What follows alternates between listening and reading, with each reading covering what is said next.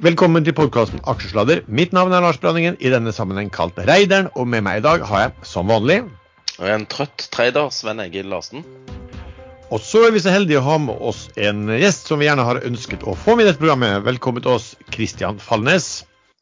Jo, tusen takk, og takk for at jeg ble invitert og får lov til å være med.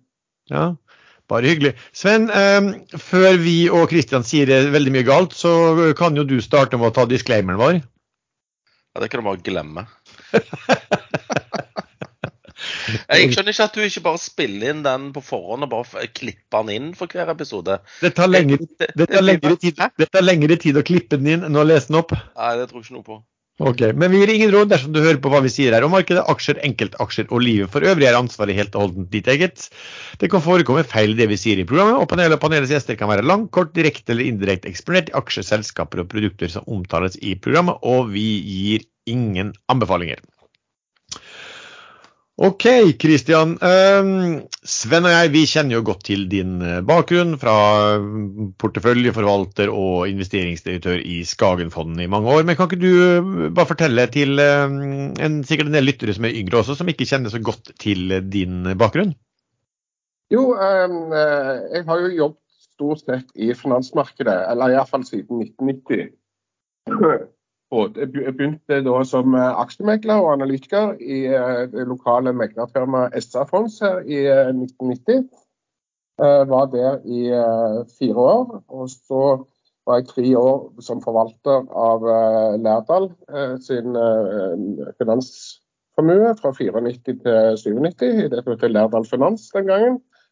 Og så begynte jeg i Skagenfondet i 97 Eh, som forvalter og noen år som investeringsdirektør. Eh, og så slutta jeg der da i eh, begynnelsen av 2015.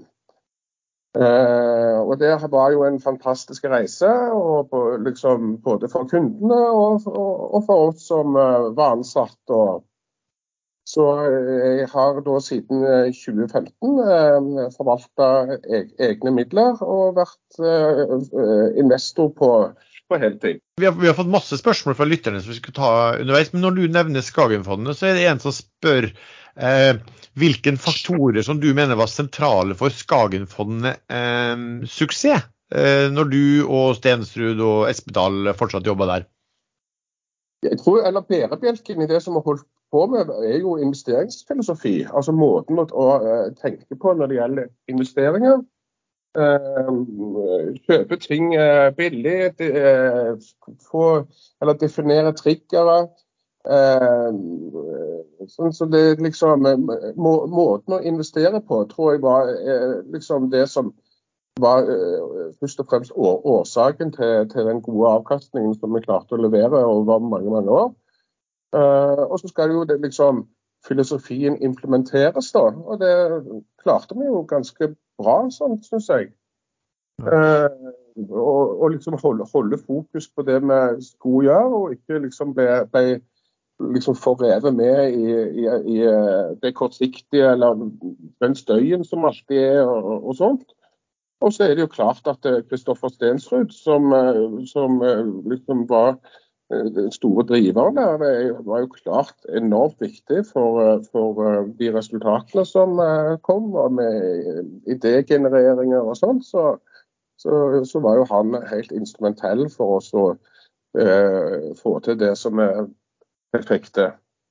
Mm. Men når du da gikk ut derfra og ble privat investor, hva, hva, liksom, hva, skiller seg veldig mye da på i forhold til hverdagen som privatinvestor kontra uh, hverdagen som storforvalter? Um, kan si at uh, Mitt fokus nå er hovedsakelig uh, det norske markedet. Som forvalter i Skagen så jobbet jo veldig mye globalt. sånn at Menyen å velge fra var jo mye, mye større, men det krever jo enormt mye mer tid og oppfølging, det å ha et sånn globalt overblikk og gå i dybden på selskapscase rundt i hele verden. Eh, så Det som jeg har gjort nå, er, er liksom konsentrere meg om det norske eh, markedet hovedsakelig. Og så Den globale eksponeringen i porteføljen min den har jeg satt vekk. Så den, den går i, i fond. Men utenom å være privatinvestor, hva, hva, har, har, du noe fritid utenom det? Hva gjør du da? Ja, jeg prøver også, nå, nå har jeg det ganske fritt og ikke ansatte og sånt. Og jobber, jobber alene for meg sjøl. Så da blir det jo en del reising til hytta. Og fiske litt og, og sånt. Så, og, og, ellers så sitter jeg òg i, i, noen styrer som òg er kjekt å få liksom eh, litt annen innblikk enn en bare investeringer, da. Men jeg forstår på deg at du sitter i ganske mange eh, aksjer i, i, det som er din portefølje eh, i dag? Ja, jeg er jo ganske bredt investert. Så det, det er jo nesten som et, et, et lite aksjefond, egentlig. Som, jeg har jo i dag en sånn 25-30 selskaper. Eh, litt det samme som en kan finne i et eh, aksjefond, for så vidt. Så, så, det er jo mye å følge med på. Det, men, eh, men, det er jo liksom det, dette som er jobben min, da. Så, så jeg, jeg, føler at jeg klarer å komme og, og eller, klarer å følge både de posisjonene som jeg har, og eh, har kapasitet til å finne på nye ideer. Når, det er sagt, så er jo en del av posisjonen en del av samme tema. sånn, sånn at F.eks. jeg har jo en del e, egenkapitalbevis, og istedenfor å kjøre alt inn i en sparebank, så har jeg jo fordelt det med flere. Og liksom i eh, Shipping og spesielt eh, tank og produkttank har vært et sånt tema som vi har hatt nå i eh, to-tre år. Så, så istedenfor bare liksom å gå eh, liksom alt inn i, i ett rederi, så har jeg spredt det på, på flere. Det gjør jo òg at antall posisjoner eh, øker som følge av, eh, av det. da. Mm. Um, vi skal snakke ganske mye om din filosofi, for det er mye spørsmål på hvordan du bruker, hvordan du screener case, hvordan du velger ut case og alt det der. Men vi kan starte med det vi bruker å gjøre i en uh, i våre episoder da bruker vi å snakke om hva vi har gjort uh, siste uken. Har du noe Christian, har du noe spesielt som du har gjort uh, siste uke, eller helt, he, i den helt siste tiden da, i, i aksjemarkedet? Eller i kapitalmarkedet? Ja, eller nå, nå, Denne uken så har jeg vært eh, med i et par emisjoner, men ikke på aksjesiden, men, eh, men eh, i, på kredittobligasjonssiden. For porteføljen min er jo ikke bare, bare aksjer, det er òg obligasjoner.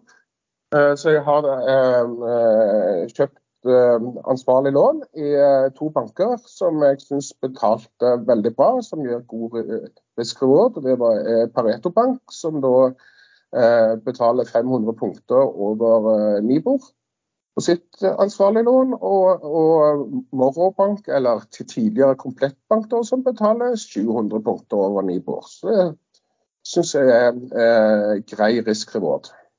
Mm. Og så har jeg jo gjort noen sånne porteføljejusteringer siste uke, men det er litt sånn mindre, mindre ting. da, Kjøpt litt eh, Acastor. Eh, kjøpt litt økt litt i Aker Solutions. Jeg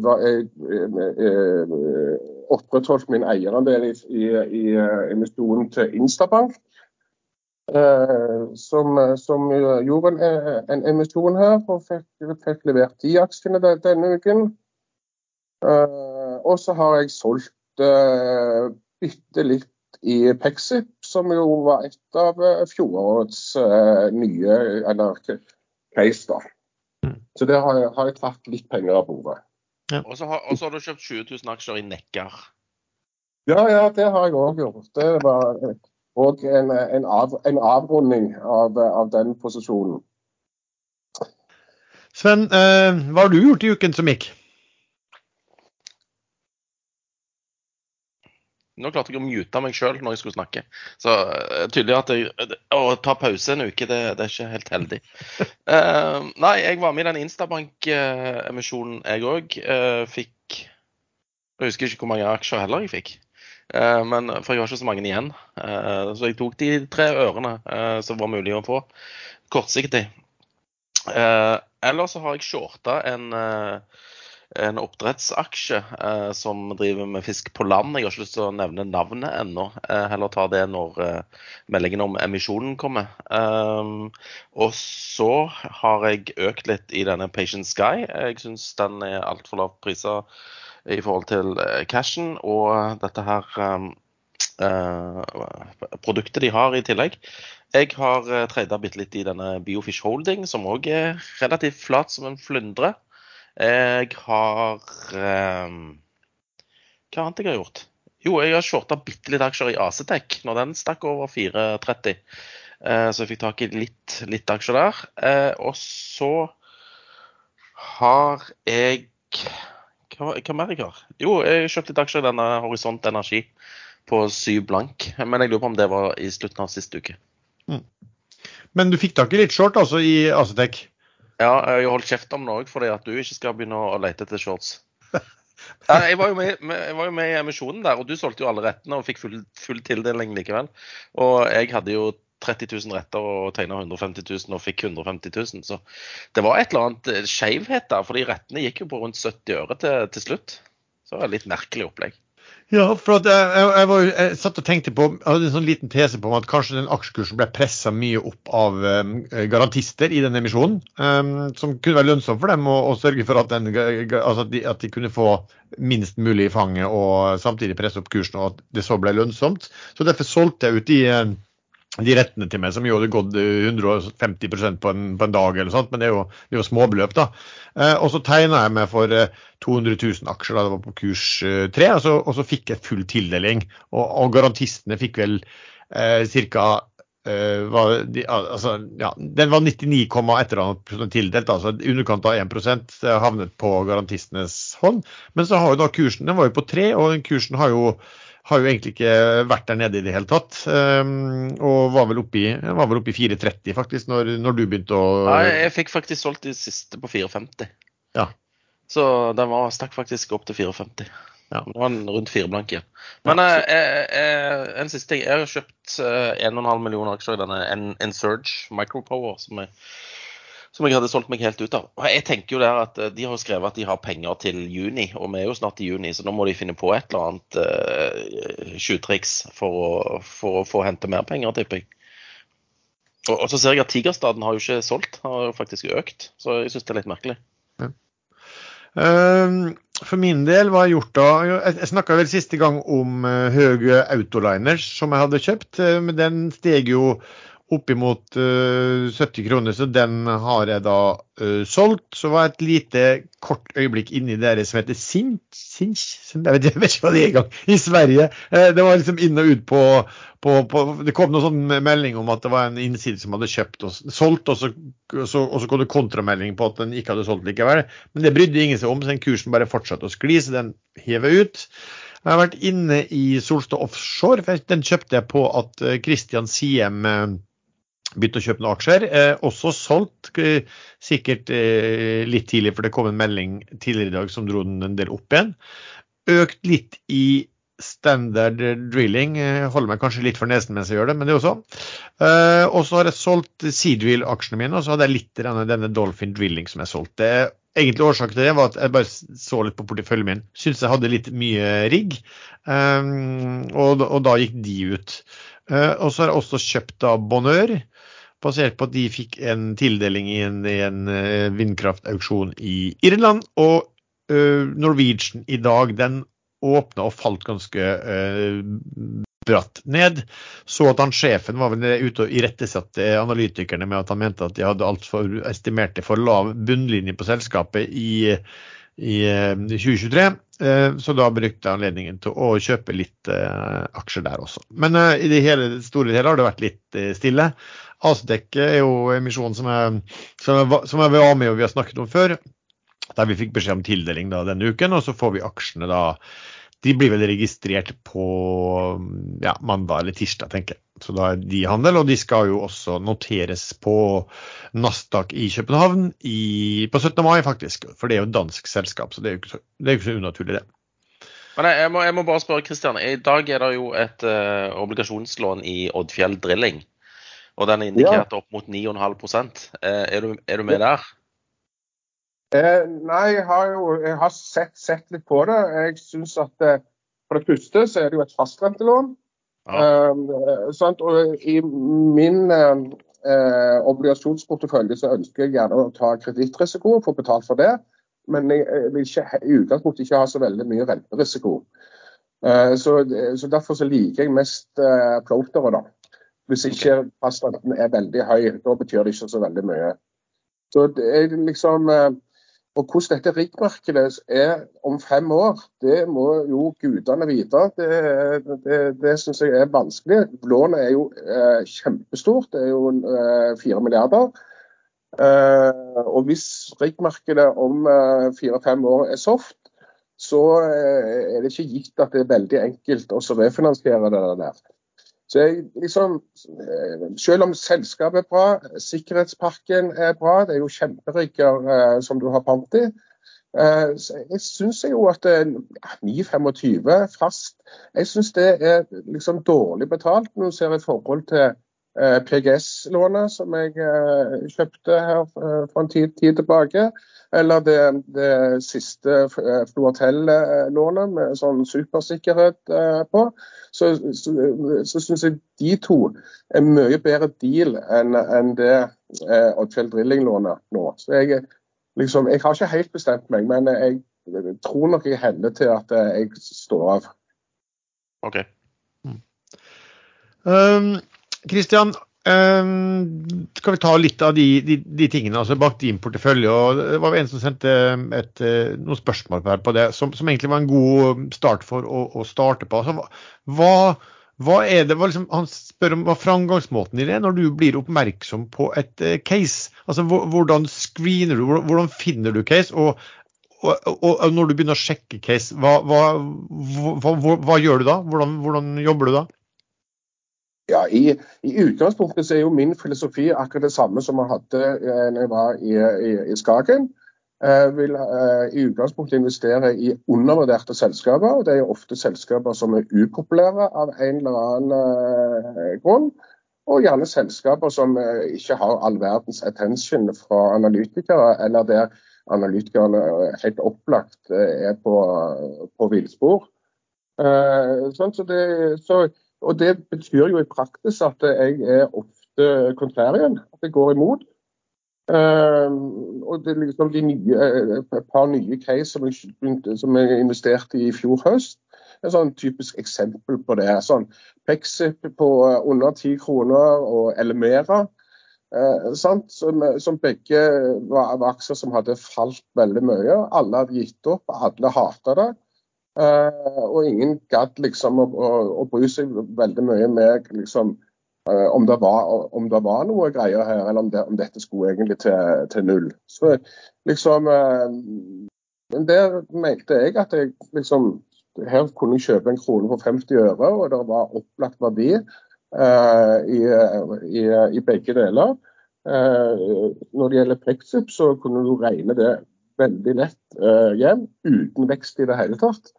Eh, sånn på ti kroner så var det selskapsverdi på 600 millioner, og så hadde du eh, en kontantposisjon i overkant av 400 millioner.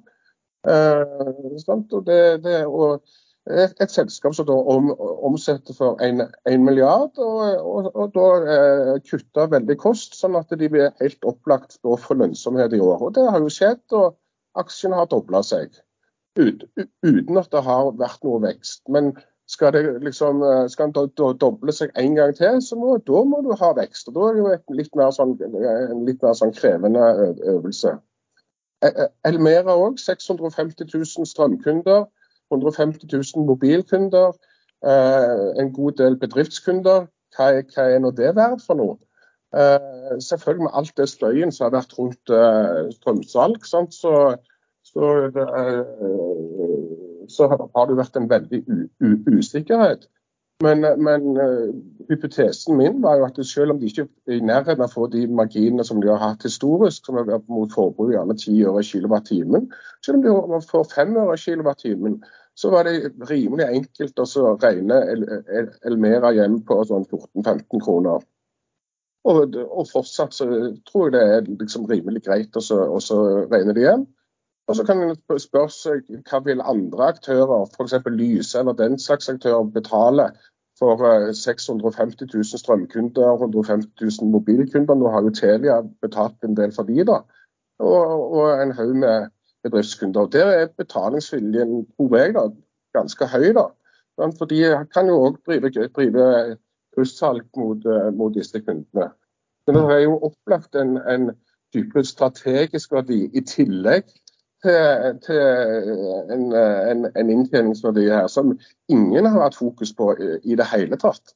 I all den støyen som var rundt uh, strømsalg. Ja. Så Det er et liksom, ty, typisk eksempel på to, to sånne, sånn skikkelig sånne hard case, men som jeg mener at det fant veldig god sånn fundamental backing for i min investeringstese. da. Ja. Men jeg forstår nå, at du, du, har stort sett norske aksjer ikke sant, på Oslo Børs? Ja, og da, eh, så, så du bruker ikke noe sånn screeningverktøy eller noe sånt? Du, du, baserer det på at du kan egentlig veldig mye om veldig mange selskap, er det så? Ja. Eh, er det sånn du liksom begynner å se på dem? Men når du, når du, begynner å se på dem, hva gjør du da? Da går du gjennom type regnskapene eh, på Ikke sant? Og, og, og meldinger fra selskapet? Ja, så eh, Les veldig mye.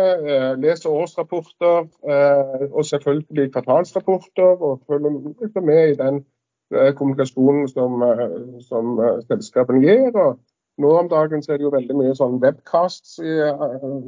Sånn, som, så, som sagt, det er jo en sånn heldagsjobb, dette her. sånn at det er jo, det, er jo det som jeg holder på med.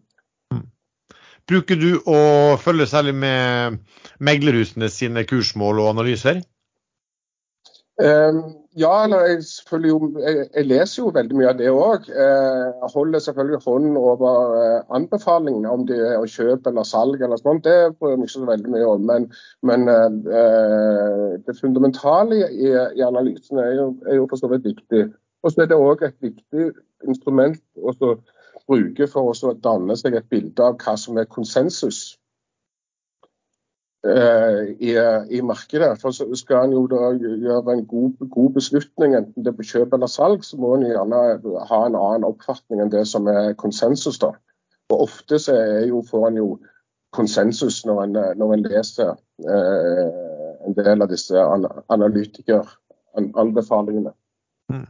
Men du, du, sier jo, eh, du har jo nesten et sånn lite mini-aksjefond. Eh, hvordan, eh, hvordan, klarer du å altså, hvor, hvor, enkelt er det å følge opp disse? her? For da, da, vil det jo være sånn at noen av dem må du jo da Du må jo vurdere om skal noen selges, skal nye, nye komme inn, og, og, og liksom hvordan du fordeler um, porteføljen din basert på sektorer. Hva, hva tenker du der, liksom? Ja, jo, jeg, jeg, som sagt, investerer bredt og eh, diversifisert, sånn at jeg har investeringer i, i forskjellige sektorer. Sånn men, men, eh, men, vil jo normalt sett ha eh, tilter. Sånn som jeg nevnte, så har jeg jo de siste årene hatt en ganske eh, bra tilt mot eh, shipping.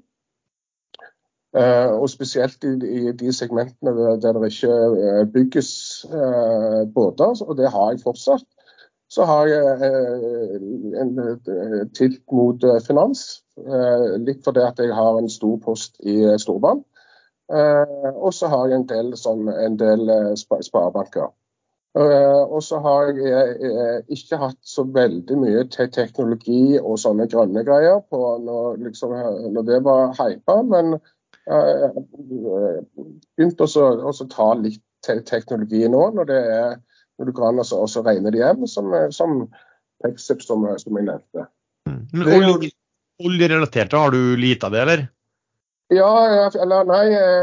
Veldig mye oljeservice gjennom fjoråret. Og så har jeg eh, nå i år, nå er det siste egentlig, eh, bygd litt mer eh, ren oljeeksponering med å ta inn Okea og Vår i porteføljen, som er to nye nykommere dette året. Mm. Sist jeg snakket med deg, så skrøyta du fælt av at du hadde kjøpt denne eh, Doff Subsea-obligasjonen på, på 14, var det det? Ja, det var det lave. Jeg, jeg satt jo med fra, fra 100 òg, da. Med, oh, ja. men det sa, du, det sa, du, ikke noe om? Nei, nei, nei men, men jeg, jeg, tror jeg har den laveste printen som har vært. Eller i hvert fall hun, hun som er obligasjonsmegler, uh, sier det. Hun, hun, har, hun, har, ikke sett noe lavere. Så jeg har, har, jeg har 14, så Nei, og det blir jo en, en fantastisk uh, historie. Ja, Du sitter fortsatt med aksjer i, i New, New Doff ASA? Ja da, jeg satt akkurat og så leste kvartalsrapporten. Så det blir eh, helt fantastisk bra. Veldig bra. Men, men hva får eh, de som da satt på dine obligasjoner, hvis du snakker om eh, å ha betalt 100, hva, hva har de for kostpris på de, på de nye aksjene da? Eh, obligasjonseierne de eh, fikk jo eh, både eh, aksjer i nye Doff, og så får de også òg litt i et nytt obligasjonslån som har forfall i 2027. som har litt lav rente, sånn at det markedsverdien på det obligasjonslånet er jo ikke 100, det er vel sånn midt på 70-tallet noe sånt som gir en gil på i overkant av 13 Mm. Uh, sånn at, og basert på, på uh, disse her 30 kronene som vel var ut, utgangspunktet i restruktureringen, så, så eh, får en jo en, en, recovery som er langt over 100. og så er det jo om, omsatt litt aksjer nå på 40-tallet, og da blir jo recovery mye, mye bedre enn det. Så det, dette blir, ser ut for oss å bli en, en bra, bra historie til, til, slutt. Men det var jo en del år med null renter, og, og det tok jo det, det, det tok tid, dette her, da. Så. Ja, og, og, det er jo litt at det tok så mye tid at det ble mye støy i forhold til aksjonærene. At man først, hva skal du si, først gjorde restrukturering når pilene begynte å peke bratt oppover også? Ja. Ja, da, det har tid og vært mye støy. Men nå ser det ut for at det blir en uh, happy ending og et nytt bra liv for det nye selskapet. Som etter mitt skjønn blir et uh, veldig veldig bra selskap i, i sektoren. Mm. Og har nå en, veldig håndterlig gjeldssituasjon i forhold til det som er løpende inntjening. Jeg mener at uh, Var det ikke slik at han Christian Siem også var inne i obligasjonslånet på, i, i Doff Subsea også? Jo, det har vært masse spekulasjoner. Men det så jeg jo nå i kvartalsrapporten, så hadde de da aksjonærlisten i, i nye Doff. Og der eh, står ikke Siem direkte, da, engang ved at han er eh, under en eh, nomini. Men, eh, men Uh, men, og, og, jeg hadde jo òg trodd at, at Møgster satt tyngre i obligasjonen enn det som det ser ut for. Møgster Offshore vil stå nå med 2,4 av aksjene. Uh, men perestrojka er jo større, da. Så, så Moen har, Fredrik Moen har jo har, så det tung i obligasjonen, ser det ut for. Mm. For Kristian Siem han har jo da eh, den uken her, eller egentlig forrige uke, starta han vel å kjøpe en del aksjer i Solstad Offshore.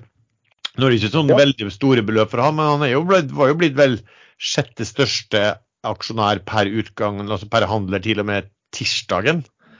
Ja. Um, hva tenker du da om at han både er da, som da er storeier i Siem Offshore, kjøper i Solstad Offshore og tydeligvis på et eller annet tidspunkt i hvert fall har plassert seg inn i Doff-aksjen? Ja, nei, nei det, ble, det, ble, jo bare spekulasjon for så vidt. Men nå har jo Kristian Siem eh, lenge uttalt eh, offentlig at han eh, eh du det er en god idé å konsolidere sektoren ytterligere, og har ivra for uh, fusjoner i, uh, i, sektoren. Så om det er det som er bakgrunnen, eller om at dette er bare en ren finansiell greie, det vet jeg ikke. Sant? Men Nei, for CM, for CM Offshore har jo også snakket om, offentlig også om at det kunne være aktuelt eller interessant å gå sammen med Viking Supply Ships som jo eh, Sveås dominerer jo. og Sveås kjøpte seg jo inn i Siem Offshore også ganske med, med, med en større post. Men det har jo ikke skjedd ja. noe der heller, da. Nei. Nei det, blir, det blir spennende å se hvordan det, dette spiller seg ut. Om, øh, om, de klarer å jobbe sammen, eller om plutselig Kistefoss skal selge seg ut av Siem Offshore, eller hvordan dette her uh, skal spille seg ut utover. For, for det trengs jo to til tango. Ja, og det er jo noen sterke personligheter der som skal bli enige også. Ikke sant?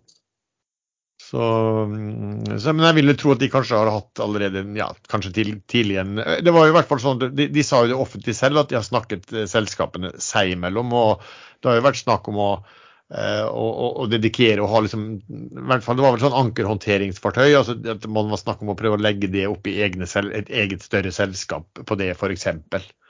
Du Sven, sist uh, episode når vi snakker om supply, så sa vel du at du skulle ta kontakt med din, uh, din uh, supply-ekspert for å høre litt som, hvordan status var i, i den sektoren nå. Har, har, du fått kontakt med han? ja, jeg snakka med min favoritt offshore skipsmegler i går. Det er faktisk en litt lengre samtale. Og han var jo i fyr og flamme og mente at Eh, enkelte deler av, av, det segmentet der er, kommer til å oppleve happy days. Eh, han snakka først litt om spotten i Nordsjøen, der AHTS-ene akkurat for øyeblikket får rundt 1,3 til 1,4 millioner kroner dagen for å flytte noen rigger. Eh, det siste som ble gjort. Han snakker òg om kontraktsmarkedet, at det er litt, sånn, det er litt rolig eh, der. Men det ble gjort en sånn eh, to måneders eh, deal pluss to måneders opsjon på en rate til 70 000 euro per dag. Eh, og eh, han sa at båter, altså AHTS-er med med kran, som kan jobbe både i altså vanlig supply, altså i ankerhåndtering og i renewable, de kommer til å ha god, god framtid. Men han sa òg at eh, det kan være at ting roer seg bitte litt når denne Highwind-tampen er ferdig eh, nå i juni. Men, eh, og, men, det var bare Nordsjøen. Eh, Brasil skriker etter tonnasje. Eh, Vest-Afrika skriker etter tonnasje. Og spesielt eh, ting med, med, som har kran. Mm. Du er jo òg godt inne i dette segmentet, Fallnes. Så jeg vet ikke om du har hørt ja, litt av det samme? samme? Ja da, og det, jeg, jeg, har jo for så vidt hatt uh, en del investeringer. Jeg, og I Siem sitter jeg jo ennå, og der òg hadde jo inngang via obligasjoner da, som ble konvertert til aksjer. Eh, sånn så jeg har jo egentlig en kostpris på rundt tre kroner, er det vel, eller noe sånt. Så har jeg nå liksom på disse nivåene redusert meg en del, men sitter fortsatt med litt igjen. da. Men det har vært en fantastisk bra, bra reise. Og så sitter jeg òg i, i, standard uh, supply, og det er jo en litt mer uh, nyere ting, da. Og Fordelen der er jo at de, de ikke har gjeld. da. Gjeld er ikke noe, noe særlig uansett, eller iallfall så har du mindre handlingsrom. Det, det virker, virker, som du liker å eie gjeld, men du liker ikke å eie aksjer med gjeld?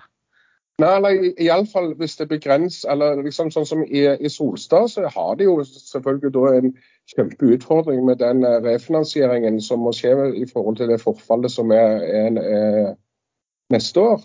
Eh, og Det kan bli krevende, og det kan medføre at eh, kreditorene eller banker eh, forlanger at det må mer egenkapital inn i, i, i butikken. Og Sånne problemstillinger det slipper en jo f.eks. i, i standard supply. Det, det, er jo liksom litt, litt fortvilt hvis en treffer på det, den, det, det, fundamentale, men så er det eh, selskapsspesifikke ting som gjør at, at en ikke eh, får, får, med seg effektene av et eh, bra marked, som jeg og de fleste tror eh, kommer framover. Og spesielt for, for eh, high-end-tonnasje. Eh, liksom mer subsea-skip og store enkelthandlere og den type ting. da. Ja, men det har jo vært en del eh, aktører i markedet også som gir inntrykk av at de gjerne vil, vil eie de med, som har en del gjeld. Eh, I så måte at de, altså Hvis de virkelig tror på det markedet, så, så, blir det desto bedre hvis de også er i de med giring. ikke sant? For da får du den hevstangseffekten. Altså, um, det var vel litt i SOF på um, en sånn periode, kanskje i, CM Offshore også. Og jeg vet at Det har vært snakk om innenfor rigg at en del av i hvert fall USA har likt å eie TransOcean kontra sånn som Valaris. Sånn, at de blir, de blir prisa mye høyere på i forhold til kanskje Eh, hvis du regner implisitte verdier av ulike rigger. Fordi at de også får med seg giringen og hevstangens effekten på det. Men du er ikke så glad i det? Nei, Hvis du på dødt liv skal ha giring, så kan du gire sjøl. Så du kan jo ja. gire investeringen din. sånn sett. Men, eh, men det, når det går bra, så er det jo selvfølgelig eh, bra å ha, å ha giring. Men hvis det er usikkerhet med hensyn til, til, refinansiering, så kan det ødelegge liksom, veldig mye av investeringscase investeringscaset. Uh, og det at uh, selskapene er litt sånn herre i eget hus og kan styre sin egen skjebne, og ikke er avhengig av kreditorer og banker, det er jo en, en fordel. Jeg husker, Vi har vi har, vi har jo snakka mye her om, om, Supply og Solstad og Siem. Og min, var jo også, min favoritt var jo Siem, fordi at de var, de var mindre, mindre, belånt. Det var jo en del belånt de også, men mindre belånt. Og, og hadde liksom en sånn runway som så litt greiere ut. da.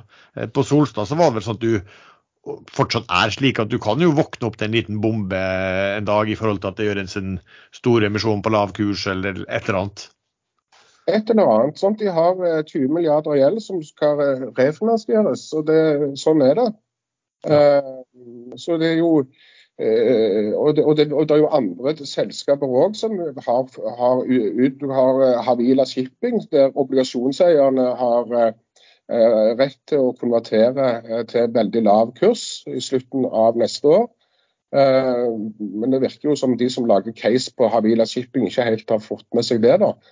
Eh, der eier jeg for, for, for øvrig det lånet som heter Havvind 07. Sånn, så der vil jo jeg da eh, enten få, få, godt betalt i ja, obligasjonen, eller bli sittende med, som, som, eier i Havila Shipping på slutten på neste år. Ja, for den, den skal vel konverteres sånn etter planen på var det, sånt, var det 3 kroner og 15 øre eller et eller annet sånt? Helt riktig. Så det men det tror jeg de som kjøper aksjen på 15-16 kroner, eller hva kursen er på, det tror jeg, jeg tror ikke liksom flesteparten av de har helt fått med seg det. da. Nei, det var vel en gruppe der jeg skrev en kommentar på det på, på Facebook, for det virker ikke som folk visste om det. og Da var det jo en gruppe eh, som var en sånn entusiaster, der du ble både beskyldt for løgn og skulle meldes inn til, finans, eh, til Finanstilsynet, og, og, og, at du prøvde å ja, svindle folk for at du fortalte dem det. og det, det, ble jo litt mer stille når du bare la inn en, en bare la inn lenken til børsmeldingen. Så, så det, jo, det, blir fortalt en del sånne eventyrhistorier der ute. Det er ikke noe tvil om. Nei, det, er, det er mange som ikke gidder å lese regnskaper, og iallfall ikke notene. så det, Sånn er det bare. Men det skaper jo bare muligheter, for så vidt. Nå har jo, det, nå har jo Per Sævik sikra seg da, så han har jo et sånn konvertibelt instrument som gjør at han beholder kontrollen uansett. Men det går jo på bekostning selvfølgelig av, av eh, minoritetseierne. dette. Makro denne uken, Sven, har du fått med deg noe spesielt eh, som har skjedd?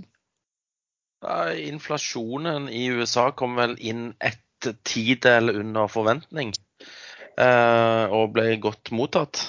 Eh, inflasjonen i Norge Der var vel kjerneinflasjonen høyere enn forventa, faktisk. Uh, Europa husker jeg ikke.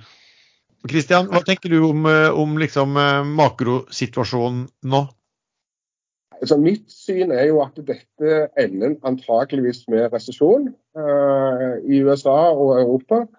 Uh, de fleste sånne tilstramningssykler som er med i, som er i, i nå, Eh, ender jo, det, ender jo ikke i en soft landing, eh, som de fleste vil, vil ha. Men det, det, ender med at, at den strammer til for mye, og at, og at det blir arbeidsledighet, eh, som jo sentralbankene vil ha.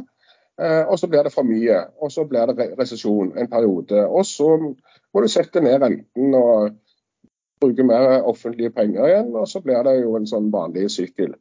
Nå er vel konsensus at det, denne gangen skal gå veldig bra, at det skal bli soft landing og ikke, eh, ikke bli resesjon. Men der er nok jeg eh, skeptisk, da. Jeg, altså mitt, base case er at dette ender opp i, i eh, resesjon. Og så spørs det om det blir slutten av dette år eller neste år, eller hva tid det skjer. Det er jo vanskelig å si. men, men det går nok som, som vanlig.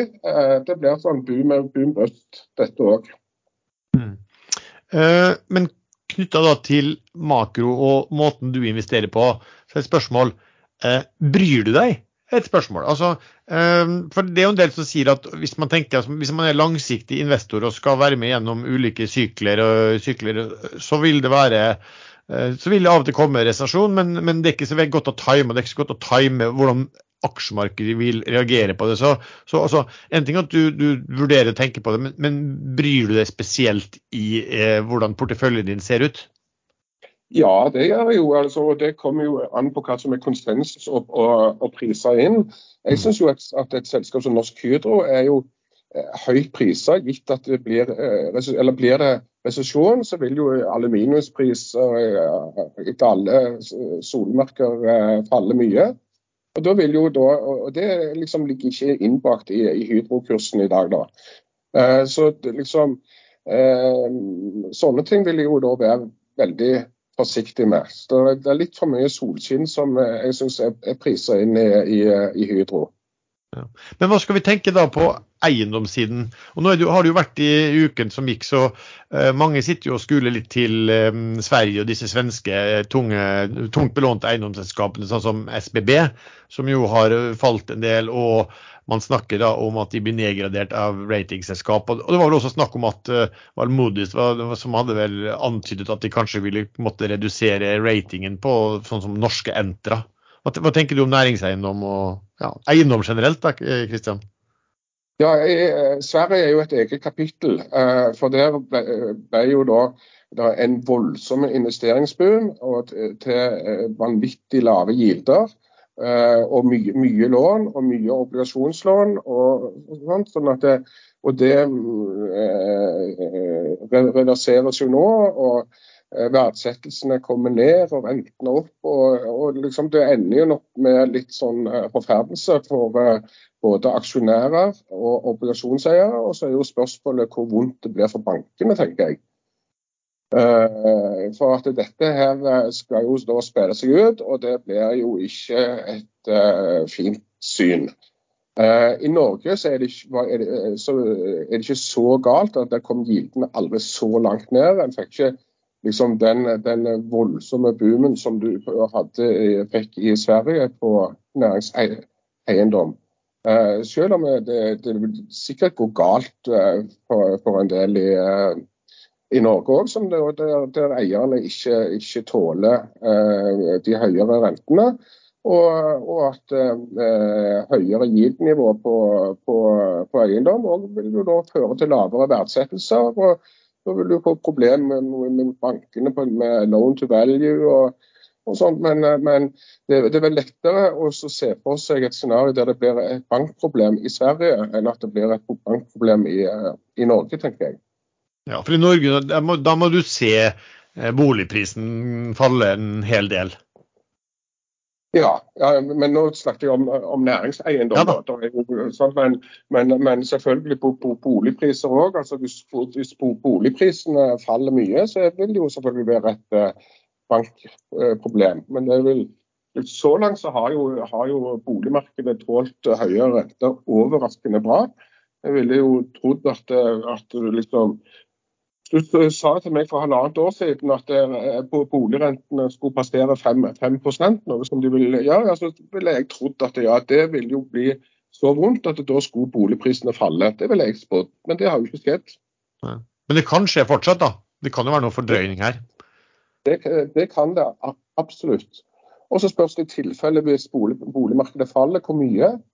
Ja, altså Hvis det er bare snakk om 5-10% så er, så er ikke det noe problem. Men, men hvis det faller 25-30 eh, eh, da begynner det å eh, bli litt eh, tapsavsetninger i bankene rundt forbi, tenker jeg. Ja, for jeg vet ikke hvor mye den har steget de siste årene, eller noe sånt, men hvis den faller 5-10 så, så er det jo egentlig bare tilbake igjen til status for uh, ikke sånn kjempelenge, mange måneder siden. Ja, Boligprisen stiger jo for øyeblikket, i ja. hvert fall her i uh i, på Sør-Vestlandet. Eh, og hytteprisene har jo ikke begynt å falle heller, som jeg eh, trodde de kom til å gjøre. Tid tror du eh, hytteprisen i Sirdal kommer til å rase, Kristian? Du, du, liker de jo der oppe. Ja, ja. Nei, altså, liksom Så lenge det er så,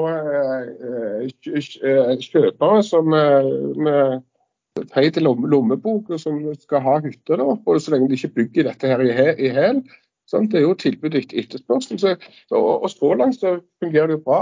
Eh, finanskrisen, sånn, Det var, det, da merket du jo ikke det i Sirdalen i det hele tatt. Du, du merket det litt på, boliger i, i, i Stavanger, men, men hytter i Sirdalen det, de kom ikke for salg.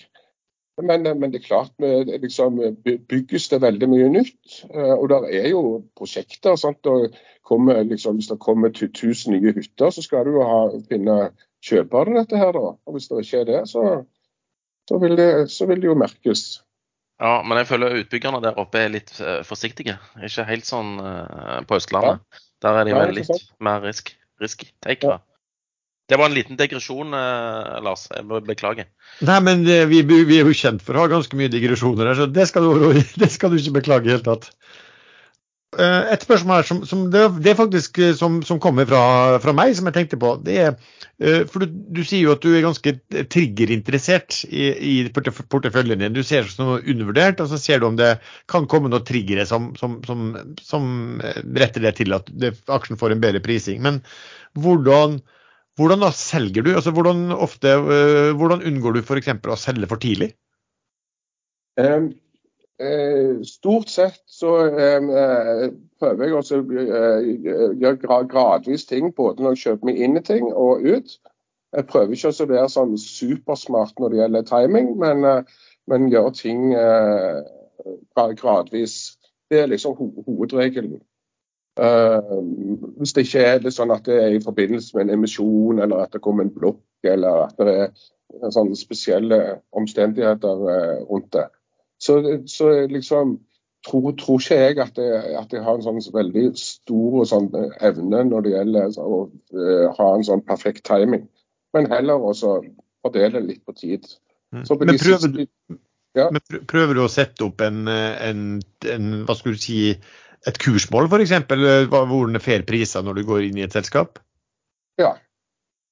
Det, jo, det, det, det ligger jo i sakens natur det at du skal du ha et, en oppfatning av hva som er fundamental riktig verdi, eh, så, så, er jo det òg en implisitt eh, kursmål. Og så vil det jo være om, det, om, du, du en, eh, om, det er fair å ha en rabatt eller noe sånt som, som gjør at du skal gjerne sette kursmålet litt lavere enn det som du tror da er Eh, en sånn fair, fundamental verdi. Men det, men det som er viktig, er at en har tidshorisont. For disse triggerne mine de er ikke nødvendigvis noe som skal skje i morgen eller neste uke. Så du må ha tid uh, for at uh, gjerne ting skal, skal spille seg ut. og Derfor er sånn normale investeringshorisont når jeg investerer i et selskap, er gjerne to til tre år. Og det er sånn, du ser sånn som det har vært i porteføljen nå, så har vel i fjor hatt en omløpshastighet på en sånn 40% sånn røftlig. Sånn at gjennomsnittsaksjen min eh, holdes gjerne i, i to og et halvt år. Som er en god del lengre enn en, en han som var gjest for forrige fredag. Som vel hadde to, to til tre dager. Ja, det litt lenger enn deg også kanskje, Sven? Ja, altså to til tre dager er jo av og til en evighet. Sven regner avkastning per minutt, nemlig. Kroner, kroner per sekund. Nå er vi jo i mai nå. Um, Ut ifra din erfaring så kommer det spørsmålet er sell in May er det en god strategi? For min del så prøver ikke jeg å liksom time veldig mye når det gjelder kalender, og sånt, men det er jo et faktum at i, norsk, i det norske aksjemarkedet de siste 30 år så har jo stort sett all avkastning kommet i første halvår. Helt besynderlig. Eh, det er jo en av han, eh, Petter Hermanrud forska jo litt på dette her, og liksom fant ut at mest, nesten all avkastning Hvis du bare hadde eh, holdt eh, aksjer da, i, på, i, i, Norge første halvår, så hadde du nesten fått samme avkastning som hvis du hadde holdt aksjer i, i, i 30 år. Eh, men så er det jo un unntak, så, det, så, så det vil jo selvfølgelig være år der eh, aksjer går bra om høsten òg. Eh, men på for min egen del så, så, driver ikke jeg med sånn voldsom taktisk allokering med å tro at uh, markedet i juni eller juli skal være dårlig og osv. Så, videre. så det er jo for, for, for, min del så blir det liksom veldig mye surr og veldig mye støy. da.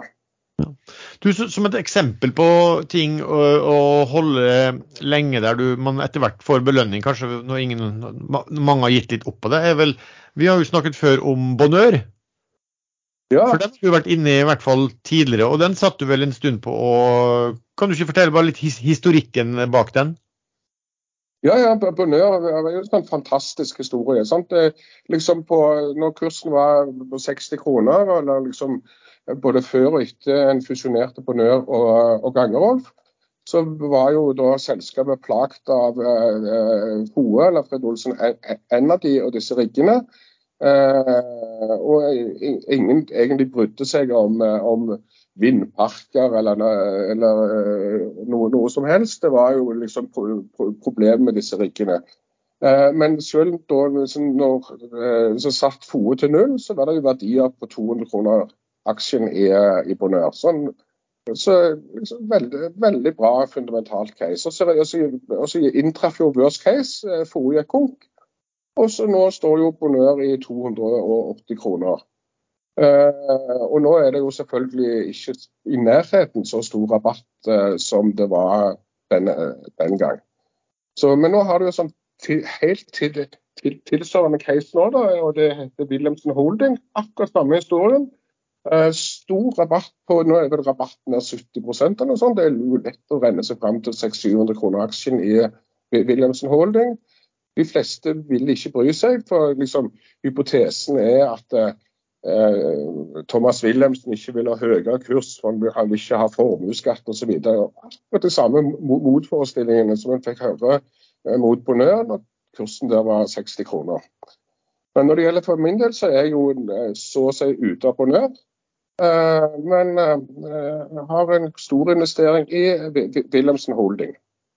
Mm. Der har du vært litt oppstuss i det siste, og du har vært oppstuss rundt den i, i, i, i, slekten Wilhelmsen også. fordi at der er det vel sånn at Eldstesønnen skal sitte med et sånn gullkort som gjør at han kan bestemme det aller meste. Men jeg så forresten det kom melding nå for ikke veldig mange minutter siden, så skal jo de, de har jo meldt at de skal kjøpe tilbake egne aksjer, ca. 400 000 egne aksjer i markedet. Sikkert litt fra press fra aksjonærer. Og det var vel indikert at den kursen ville bli et sted mellom 275 til 280 per aksje. De burde jo kjøpt mye mer, spør du meg. Og, egentlig, og, Det som er jo litt dumt, er at de kjøper de, nå kjøper de 300 000 A-aksjer og 100 000 B-aksjer. Jeg mener at de burde bare kjøpt B-aksjer. Og kjøpt så mye B-aksjer som de bare kunne, sånn at de bare kunne slått sammen klassene og bare fjerna disse B-aksjene.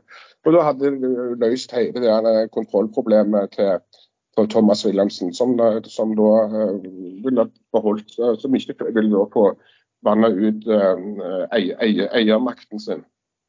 La meg, la meg, tippe, du sitter med B-aksjene? Nei, nei, nei, jeg sitter med A-aksjer.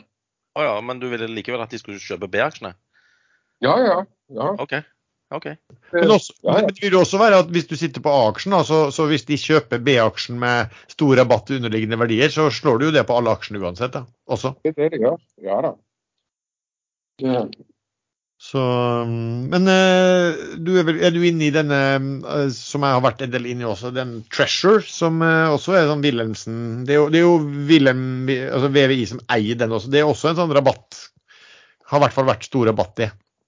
Ja, og det er det jo fortsatt. Og Jeg har litt, litt aksjer der privat da, på den her sånn aksjesparekonto som, som, jeg har, som jeg kjøpte liksom, når, det, når rabatten var ekstra høy. da.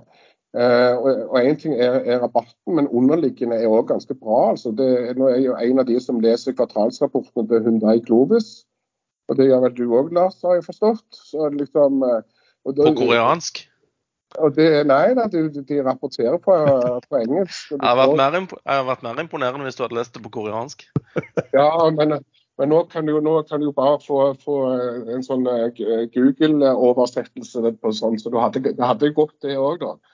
Uh, men, men, men Hyundai Glovis er jo sånn, det er sånn PE5 og vokser og masse verdier. Og, ja, og har egentlig en, en, en sånn nøkkelposisjon i, i dette Hyundai-kjabolet i, i, Korea. Så, så underliggende er bra, og så får en da en, en rabatt på toppen av det. Så det er liksom Det er en helt grei investering. Men så er det jo liksom en endgame her. Nå kjøper jo tilbake e-, egne aksjer hele veien. og Nå eier vel Wilhelmsen Holding er jo nesten 80 vel. og det er liksom, Så det er jo helt meningsløst å ha dette børsnotert, spør du meg. Men så får vi se om vi til syvende og sist får det som er da virkelig verdi en eller annen gang.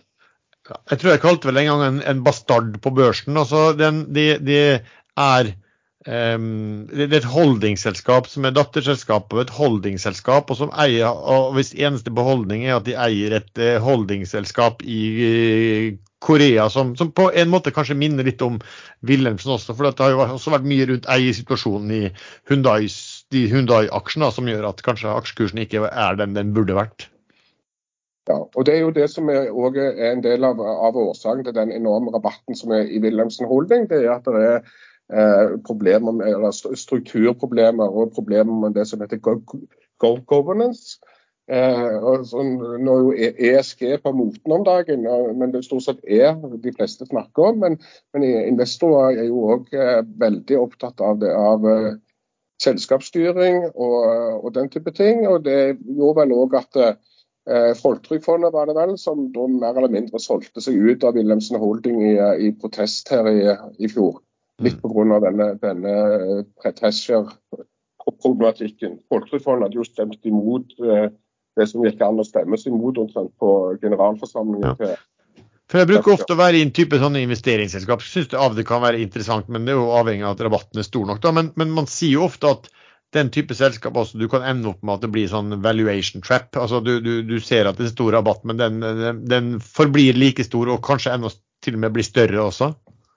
Ja, og det er jo alltid en fare. Eh, og det er alltid motforst. Det er alltid en grunn til at rabatten er der òg. Og så eh, er jo da en investeringshypotese det er jo at det er noe som skal skje der framme, som da vil bli oppfatta som mer aksjonærvennlig enn det det har vært historisk.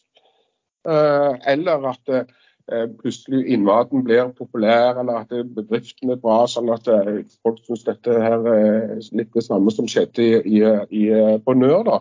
Mm. Eh, så, så, men, men, det er jo masse eksempler på at, at denne type strukturer har vært value trap over tid.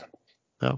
Jeg eier jo en del i Jeg sa jo at i starten at jeg hadde kjøpt litt mer i eh, denne mm, standard Eller den heter jo ikke standard drilling, for alltid kjeft for det. For den heter vel vet heter noe, SD standard eller standard ETC. Men også dette eh, Spetalen-dominerte investeringsselskapet. Eh, og der er jo der, er det jo... Der, der, der, sa du det. SD. Spe, Spetalen-dominert. Det er det det står for. Ja, det er det det står for, ikke standard lenger. ikke standard drilling. Men der var jo, for der var jo noe mm, Eh, var jo en periode i uken så var jo rabatten For der er det jo enkelt å regne. De har jo, de har jo egentlig cash, og så har de eierandel i to, to børsnoterte andeler. Og der var jo Rabatten var jo nær på over 30% i uken. Men hvis du tok vekk hva de lå i cash, så var jo egentlig underliggende Altså rabatten til, på de to børsnoterte var jo på over 50, eller på 50 eh, Og da er det jo alltid litt sånn spesielt når eh, Men tenker du sitter så mye penger og er jo litt der at man bør jo kjøpe tilbake egne aksjer da. Og hvis man ikke gjør det, hva sier man egentlig implisitt om egen tro på de to underliggende børsene da, når du kan kjøpe den tilbake med 50 selv i markedet med rabatt? Men, uh, ja. Spetalen kan jo regne, da. sånn at uh, liksom uh, så Han er nok helt fullstendig klar over dette. her, og Han er òg sikkert opptatt av egne, egne verdier. mens mange i, i, markedet er jo veldig momentum og veldig kortsiktig. Se Saga Pure f.eks., sånn som folk kasta seg over og gjerne betalte over Nav eh, liksom, i håp om at det skulle komme eh, mm. gode investeringer der framme. Sånn, nå er jo uh, dette gått helt i revers, og nå handles det jo til god rabatt på det som er bankbeholdning. Men så plutselig så gjør de, gjør de jo en investering igjen som gjerne da eh, folk syns er bra. for eh, Spetalen er jo en, en, av Norges beste dealmakere. Og så har du det gående igjen, da, vet du. Sant? Og så blir det momentum, og så syns folk dette er, er kjempegreie, og så er det, så er det på'n igjen. Ja, for der kan det være ganske gode å, å følge med på hvordan rabatten er og, og, ha sine hva skal Du si, eh, du kan jo liksom ha dine egne målsetninger der også. at eh, Hvis rabatten stiger, er, blir så og så liten, eller til og med at den er eller at du betaler en, en, en premium da, på, på Nav-en i selskapet, så kan du jo selge. Det kunne du faktisk også gjøre på, på både vært sånn i Saga og også vært også tidligere noen, noen ganger sånn i, i S, eller standard ITC. da. Så, men det viktigste er jo selvfølgelig at det som skjer i selskapene er, er fornuftig. og liksom Investeringene eh, liksom både i Standard Supply og i, i Dolphin Drilling synes jo jeg henger på greip og virker fornuftige. Eh, I motsetning til en del av det som skjedde i Saga, som var liksom å spille en sånn eh, markedsgame med det, som Øystein òg har sa, liksom den, den grønne, grønne, grønne drittet, har han vel eh, kalt det. Sant? Men det var jo liksom Det, det var jo det var, det, var det, det, var det, markedet ville ha. Så det, Saga Pure var jo et sett eh, for det som markedet ville ha der og da. Han kalte det faktisk for det grønne drittet mens de ennå eide mange av disse av grønne dritten som de deretter begynte å selge. Ja. Når vi er inne på det, altså, du, nå har jo du vært med mange år. Eh, hvem, hvem er den flinkeste norske investoren du kjenner til, og hvem er den flinkeste toppsjefen i et børsdelt selskap du har truffet på? Ja, em, den første Eller eh, jeg tror på Oslo Børs av de som investerer litt bredt, og, og sånn, så tror jeg eh, Oskar Bakkevig i Holmen eh, spesialfond må vel eh, iallfall ha en plass veldig høyt oppe på listen. Han startet vel Holmen spesialfond i 2011 eller 2012, noe sånt, og så har fram til i dag hatt årlig avkastning på 19 Eh, Så hvis en skal ha, liksom, iallfall for de som har litt eller lang horisont, sånn som jeg har horisont, og det å følge med på hva Holmen spesialfond eh, gjør, eh, kan nok komme over eh, gode ting. Sånn, så De har jo sittet fra med Akvalis, eller det heter ABL Group i dag, fra tre kroner og opp. Eh, var med og tok ut eh, Folketrygdfondet sine aksjer i Pexip i fjor på ni kroner. Uh, har sittet i eh, Oddfjell, eh, altså kjemikalietankrederiet fra sånn 20 kroner og opp nå til 100 og sånn. sånn eh, liksom. Så der, eh, der eh, ser det ut for at det er gode, gode tips å hente fra den porteføljen. Så, og, nå er jo eh, trekkrekorden hans da liksom 12 år. og Hvis du leverer da 19 årlig avkastning eh, over lang tid, så blir jo denne rentes-renteeffekten eh, fantastisk. Så han har vel gjort åtte ganger på eh, pengene i, eh, i perioden. Imponerende. Så Eh, det, Jeg, jeg, jeg foreslår at du klipper bort dette, Lars, eh, sånn at vi kan ha dette for oss sjøl. ja, det, det, for, det er fordelen. Det er som, det er som en som skal skrive referater fra styremøter og sånn også. Det er jo alltid en fordel hvis du skriver Pass på å skrive de selv. Og her kan man klippe, her kan man klippe som man vil. Men, men hva er det, hvem er den beste topplederen du har truffet på, da, Kristian? ja, altså, eh, ja, hvem kan det være? Er liksom eh, det er jo mange som har vært gode, og mange som har vært lenge og så, eh, skapt eh, gode aksjonærverdier, og mange som har imponert meg. Men jeg tror liksom tid, han som var sjef i Gjensidige ti- eh, ti- ti- tidligere, han, er han, han imponerte. imponert. Der er det skapt store og Han har vært, sjef- lenge. Eh, og det er liksom vi i, i, i Skagenfondet var jo, var jo store i forbindelse med IPO-en i Gjensidige. Vi eide vel 5 av selskapet nesten, og sånt. Og, det liksom, og den turen som vi da har vært etterpå, har jo vært helt formidabel. Jeg tar ikke navnet akkurat i farten, men, men, men veldig imponerende. Ja, og jeg husker en side for når man gikk på IPO, så fikk du jo du, Man fikk jo i hvert fall sånn, sånn på retail så fikk man jo um, ytterligere aksjer, bonusaksjer hvis man eide det både i det 12, både 12 måneder, jeg husker ikke om det var 12 og 24 måneder. Som egentlig gjorde det helt utrolig. at man, Jeg, jeg tror jeg regner den gangen på at du kunne gå i null hvis aksjekursen falt 20% på eh, et år eller to. Ja da, og, du, og, og, og flipperne tapte penger. altså Første dagen så treide jo aksjen ned. og liksom ble jo gjort på 57 kroner, og du fikk jo aksjen etterpå på 55 og, og sånn. Så det er jo ikke alltid at det, at det, det er de, det er de hotte eh, emisjonene som blir de gode på, på sikt. da. Jeg lurer på om han heter Helge Leiro Båstad. Det heter han. Helt riktig. Det jeg ser er at Folk har spurt deg ganske mye om um, porteføljen. og Det er jo blitt sånn i dagens gjennomsiktige verden at man kan gå inn og så kan man søke opp uh, og følge med på hva omtrent enhver gjør i markedet, og hvilke posisjoner eh, de måtte ha. Eh, jeg ser jo at, vet jo at du er ganske stor i den Gram Car Carriers. Det betyr at du er i bull på bilfraktshipping? Ja, jeg var iallfall det. Og, og det var jo, det var jo, dette var òg et av fjorårets eh, case. da. Uh, jeg var, deltok jo i emisjonen. Uh, og hadde jo i utgangspunktet et kursmål som var langt lavere enn det som var dagens kurs. Uh, men så har jo da uh, rateutviklingen langt oversteget det som jeg kunne fantasere meg til at, at det skulle være tilfellet. Og så har han da klart å låse veldig mye inn på veldig lange kontrakter. Eh, sånn som, gjør, som gjør at uh, dette går an å regne på. Så lenge motparten ikke går konk, så, så, går jo dette her veldig bra.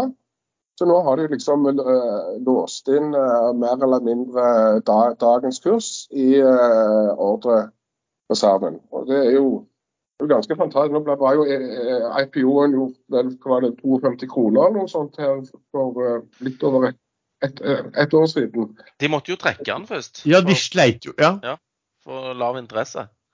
Og jeg ja, husker vi lo av det. Hva skal den driten der på børs, liksom? De klarer, klarer jo ikke det. Ja, så det, det, det, det, er riktig, det. Men da prøvde de jo først å sette på høyere kurs, da. Og så gikk jo ikke det. Og så måtte de jo da sette det på lavere kurs, sånn at rabatten til underliggende ble enda større. Og så var jo det, syns jeg, ganske enkelt å være ganske optimistisk til det fundamentale, at dette markedet skulle, skulle stramme seg til. Og det gjorde det jo da, men at det skulle bli så bra som det, som det ble, eh, det, det, har vært helt, helt fantastisk.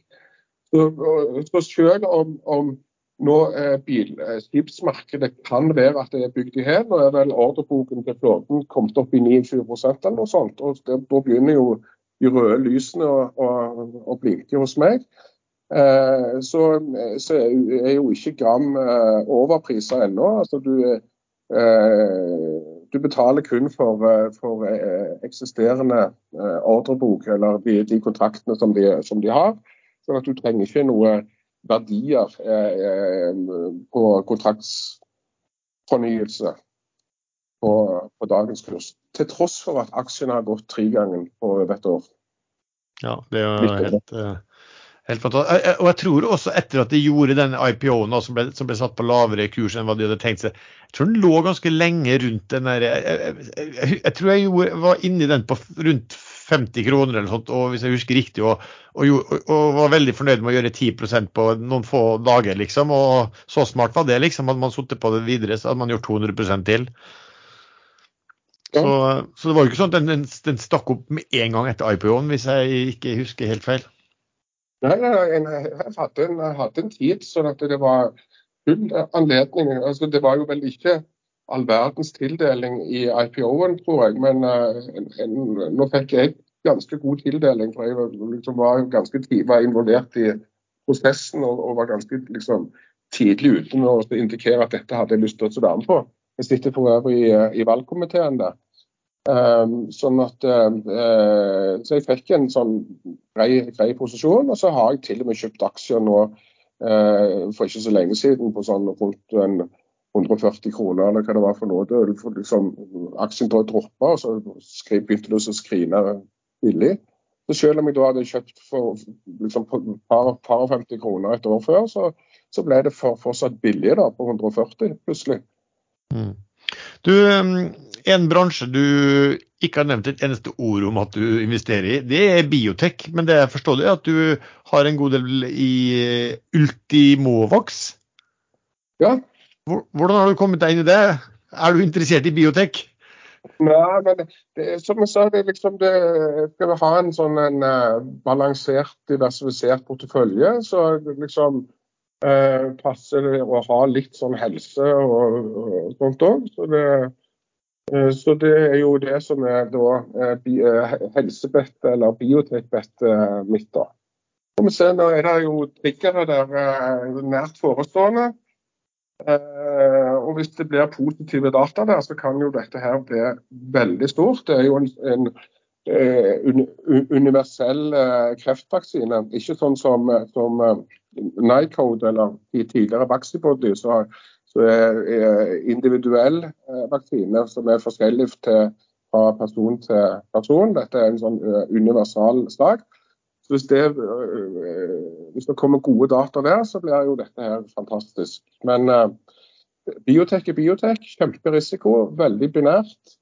Uh, så dette er nok ikke noe som folk har godt av å ha veldig mye av i, i porteføljen. og det er jo ikke liksom I totalporteføljen min så er, det jo ikke liksom en sånn stor bet, men, uh, men forhåpentligvis så, eller hvis det, hvis det slår til, så, så, så kan det bli, bli, stort. Men blir det hypa av en eller annen grunn, sånn som Nanovektor var på liksom over 100 kroner. Det var jo òg investert der og klarte å selge mesteparten eh, der oppe, som òg ble en kjempegreie. Eh, så hvis det er for mye optimisme som eh, ligger i kursen, så skal en nok skalere ned, tenker jeg. Mm. Men du, kan, du, var ikke med på IPO-en der, Samuel? I uh, Ultimovaksjon? Ja, var du det? Jo da. Ja, ABG hadde en presentasjon på gamle Hotell Atlantic uh, i forbindelse med IPO-en i Stavanger. Uh, og det var to stykker som dukket opp der. Det var meg og Einar Hanasand. Og ingen, ja, ja, ja. ingen, ingen, av, ingen, av, oss tegnte oss. Nei, jeg, jeg, jeg, det, det, var, det, var, sikkert i samme runde. Jeg hadde besøk på kontoret. Ah, ja, du har jo så mye penger du at du, du får besøk, mens vi må gå på besøk. Jeg, jeg, slapp å gå på Atlantic. ja, De hadde jo et stokk opp med sånne sandwicher for til 30 mann, vet du. Så jeg og han så litt uh, dumt på hverandre. Å oh, ja, ja vel. Ja, da. Nei, da, og På det tidspunktet så hadde jeg jo òg en investering i uh, det som da heter Vaxibody. Men der uh, valgte jeg å selge ut etter å ha gjort den vel ti ganger på pengene eller noe sånt. og Plutselig kom jo hele Oslo vest og Rasmussen og all verden, så ble det jo veldig hypa, da. Men så har jo de levert òg gode data, det skal jo sies. Da, men, uh, men, på det tidspunktet så, så syns jeg at da, var, da, sa jeg takk for meg, og så, for, eh, så, så, uh, så tok Ultimovakt over som, som biotek-delen i, i uh, porteføljen. da. Det er jo sånn at når vi, får, når vi, får, spørsmål til vanlig også fra lyttere, så er det jo gjerne at man spør jo om en del eh, mindre selskap, og det, det, har jo sikkert også med å gjøre med at eh, de ikke omtales så mye og ofte ikke har analysedekning i det hele tatt. Eh, og det har du jo også kommet på i forhold til hva du eier. Et spørsmål du har fått er eh, hva du tenker om EMGS? Seismikkselskapet? Ja, det er for så vidt en historie som jeg har vært involvert i en tid. Uh, som òg er liksom helt uh, uanalyst. Det er ikke noe sånn analysedekning eller uh, noe sånt. Men uh, det er liksom verdensledende i en liten nisje. og så er jo historien er jo veldig brokete, for å si det forsiktig. Det var jo eh, som kjempeovertegna IPO i sin tid på 140 kroner, var det vel med brask og bram. og Markedsverdi eh, liksom på 10 milliarder, og analytikere som sammenlignet dette med Google eller hva det var for noe. Det var bare rør og sprøyt. Eh, og så ble jo dette jorda, og så har det gått eh, helt av, av radaren. Men jeg har eh, liksom en fornuftig eh, butikk. Eh, nå har de jo bare ett skip, sånn at det er jo ikke skalerbart sånn som det er nå i det hele tatt. Eh, men de har et bibliotek som de klarer å selge av hele veien, sånn at de eh, har eh, løpende kontantstrøm som er fornuftig. Og så, så, er det jo en en historie der knytta til, til havbunnsmineraler og, og, kartlegging av, av, det. Der da EM er jo et helt opplagt verktøy i så måte. Det er jo det en bruker når en skal finne mineralforekomster på land. Så bruker en jo da EM gjerne fra fly eller helikopter. da. Sånn at, så Det er jo en, en bra historie. Så det er liksom, Jeg kjøpte en god del aksjer nede på entallet. Så sitter jeg òg i en konvertibel obligasjon som de har. og så Av en eller annen grunn så var det noe som lagde case, og så stakk aksjen over fire. og Da solgte jeg halvparten av posisjonen.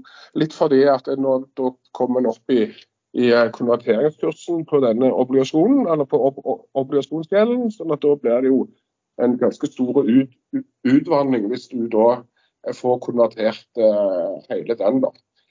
Så, men uh, jeg sitter fortsatt igjen med litt, litt aksjer, da. Men, men, en veldig liten post i, i porteføljen. Sitter du fortsatt i denne Seabirden? Der husker jeg du snakket varmt om noen obligasjoner.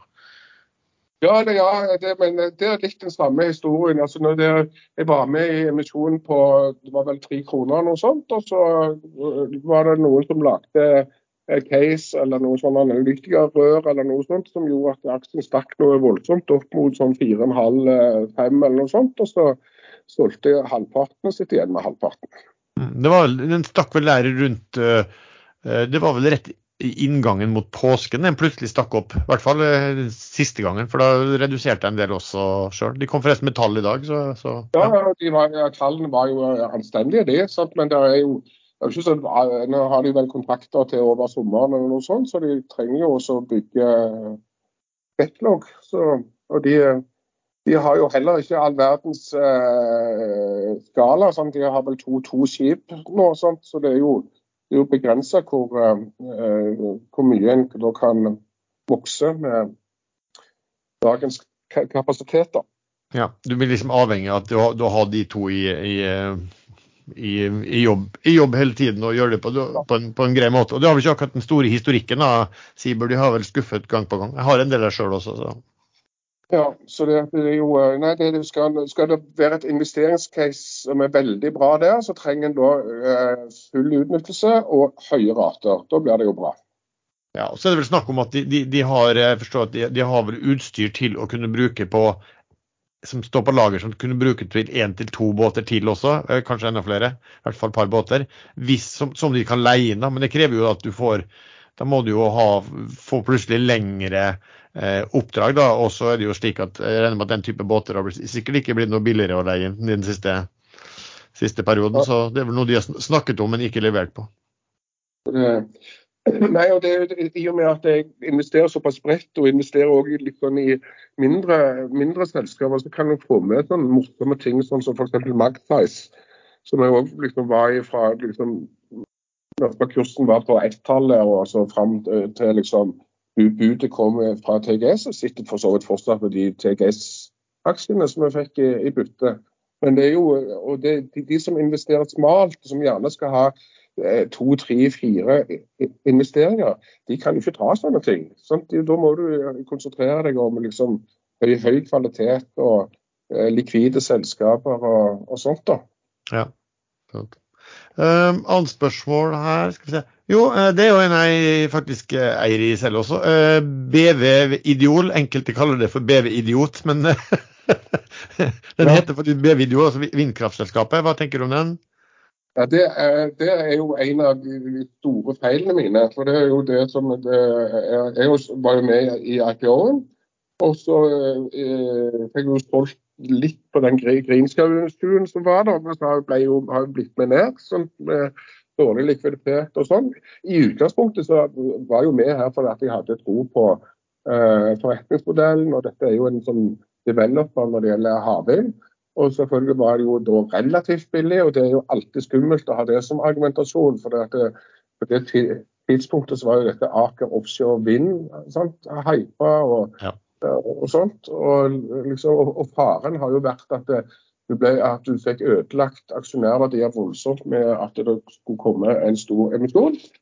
Ja, så, men så har de jo gjort en deal med at de har klart å farme ut eller farme ned eh, eh, vindkraft eller vind, vindparkposisjoner, som, og òg samtidig får støtte fra, fra BV Offshore, som gjør at den, det ser ut for hvis, hvis, hvis dealen går i orden, nå er det vel ikke helt close ennå, men hvis dealen går i orden, i orden så, så, så, slipper en en sånn voldsom utvannende emisjon her, her nede. Uh, men ellers er jo liksom business case, synes jeg, sånn fornuftig. Uh, innen liksom havvind så er det, tror jeg gjerne, de som driver med å utvikle parker som vil tjene penger. Det er jo det Bonør har tjent penger på. Og skapt enorme verdier på, på havvind. Det er også der en developer. Uh, og så uh, er jo ideen at når ting er på stell og liksom er ferdig ut, ut, utvikla, så, så, kan en selge dette til de som har uh, lavere avkastningskrav. Sånn type pensjonskasser og de som skal ha lange kontantstrømmer og sånn. Ja, for det er vel der BV Ideol har endra seg, eller i hvert fall innretninga. de har blitt mye mer en, en eier og utvikler. Men så er det jo sånn at de, de har jo også får jo også oppdraget på, uh, på utbygging da, på sin egen teknologi, og gjerne også på vedlikehold. og også sånn. De vil jo kunne ha inntekter videre på disse vindkraftene, selv om de, eller parkene, offshoreparkene, selv om de eier lite eller ingenting etter hvert. Ja. Eh, annet spørsmål er jo da en som eh, også har sklidd eh, en del eh, nå i en periode. Det er Filly Shipyard.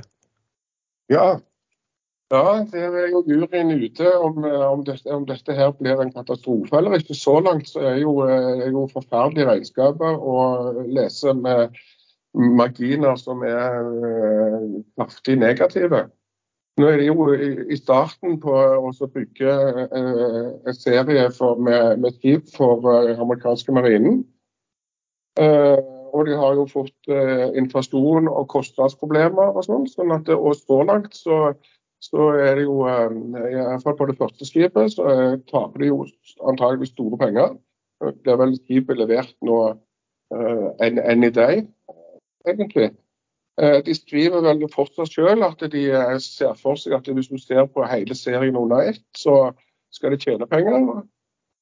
Men det gjenstår å se. Og så har de jo da fått Uh, ytterligere ordrereserve med bygging av noe containerfartøy, som de skal i gang med å levere etter disse her. Uh, men det er klart at hvis det ikke er marginer i ordrereserven, så er jo utgangspunktet en ordrereserve på 20 milliarder, sånn som det de har, så jo, har jo den liten verdi da. Uh, så hypotesen min selvfølgelig når jeg investerte i dette, var jo at en skulle få gjerne det som er normale marginer. Sant? Ja, som er gjerne 5% eller noe sånt. Eh, men så langt så har, det, har ikke det slått til. Men det er vel noen ting som eh, kanskje Aker-systemet gjerne kunne tenkt seg å selge hvis de fant en kjøper, eller på, på rett nivå i hvert fall? Ja, så spørs det hvor mye du må pynte bruden da, for å få mm. skikkelig eh, betalt. Og akkurat nå så ser jo bruden ikke så veldig fin ut med de marginene som de leverer på, på første skipet. Nå er jo liksom markedscapen her er vel under 500 millioner. Og som sagt ordrereserve på 20 milliarder. Så jo liksom eh, Men klart blir det negative marginer, så det, har det jo null, null, verdi. Er det positive verdier, så er det jo fantastisk. Og så, er, eh, så langt er det, er det ikke gjeld. da, sånn at en, en, en, en, har jo ikke en sånn umiddelbart eh, finansiell eh, og problemer fordi at en må gå til bank eller kreditorer. Men det er klart, hvis, da, hvis, hvis eh, skip nummer to tre og fire får eh, samme lønnsomhet som det ser ut for at skip nummer én har fått, så blir jo dette feil. Hvis du, du får stordriftsfordeler, og sånn som ofte skjer da, med at eh, når man bygger i serie, at lønnsomheten på de siste skipene er mye mye bedre enn på det første, første så kan dette fortsatt gå veldig bra. Ja. Men de har jo heller ikke vært heldige da, med at de innga en fastpris, og så smalt inflasjonen skikkelig til. Og, og problemet med å få, få, ansatt folk og få arbeidsstyrken på plass også. Ja, det har de jo merket. Ja. Annet selskap jeg tror uh, noen påpekte at du vel har kjøpt litt i det siste, er et IT-selskap som er uh, litt omtalt som heter Aribatech. Ja, det er riktig. Det er et ganske nytt case. Og, og det er egentlig ganske enkelt case, syns jeg. Altså, Aribatech er jo um, først og fremst en, det som kalles en value added reseller, eller distributør for Unit 4, eller det som heter Aggresso før. Og så har de jo uh, lagd en del egne applikasjoner eh, som de òg har in inntekter på. Så de er både en distributør for et sånn regnskapssystem, og så selger de eg egenutvikla ting. Eh, og eh, har en sånn omsetning på sånn rundt 600 millioner der omkring. Og så ble jo aksjen plagt veldig her i fjor med at tidligere gründer og eh, administrerende som da fikk eh, sparken, han eh, tror jeg solgte aksjer hver eneste dag. Eh, og så gjorde de en emisjon, og så, ble eh, aksjen plagt òg etterpå det. Sånn at markedsverdien kom ned i sånn 200 millioner der omkring. Så det er sånn pris salg på 0,3. Og det screener jo egentlig ganske bra innen den, den sektoren. Gitt selvfølgelig at en ikke trenger emisjon. Og Det var jo da eh, hypotesen min i, i eh, høst og, og, vinter, at eh, emisjonen som de gjorde i, i fjor, det, det, holdt. Og Så langt så ser det ut for at det holder vann. Eh, nå rapporterte de jo mye bedre tall i, i første kvartal. og jeg forventer jo at det òg skal være melodien framover i, i, år. Og at de snur egentlig en periode med med, med, dårlige tall som følge av høye kostnader og restrukturering av oppkjøpte selskaper og sånn, eh, opp til lønnsomhet. Og da skal jo dette her eh, etter planen reprises ganske kraftig. Så det er, eh, så det er liksom caset mitt der, da. Men, men porteføljemessig sånn så vil jo så vil jo dette være en liten del av, eh, av porteføljen. Men litt liksom, jeg syns oppsiden her eh, er såpass stor at en, jeg liker ikke å gå, gå, gå, gå, forbi noe som, som ser veldig bra ut, og der det er potensial på sånn, å gjøre gjerne tre ganger pengene eller noe sånt. Mm. Hvis, dette, hvis dette, blir priser til én gang salg, som er, så vil jo da være en, en, en fornuftig prising, gitt at de får fornuftige marginer.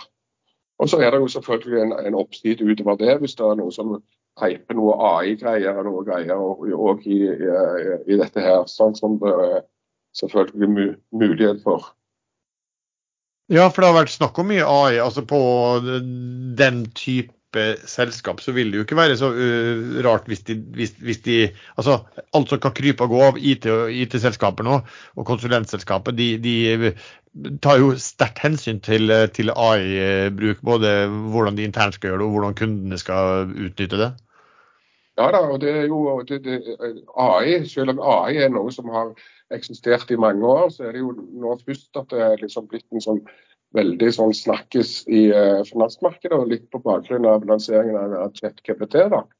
Uh, så uh, sånn at det, det, du vil se framover i år, er jo at det vil bli lansert sånn egne AI-fond. og liksom at liksom, og AI som investeringstema blir, blir liksom sånn årets greie. Litt sånn som du hadde sånn grønt som tema her for noen år siden. Sant? Sånn at så da vil, vil jo AI eh, være et investeringstema. Men det, de som er opplagte vinnere eh, når det gjelder AI, det er jo eh, konsulentbransjen her òg. For her skal jo da AI integreres i, i det meste. Og, og konsulentbransjen får, får, mer å gjøre. Så det er iallfall en helt opplagt vinner.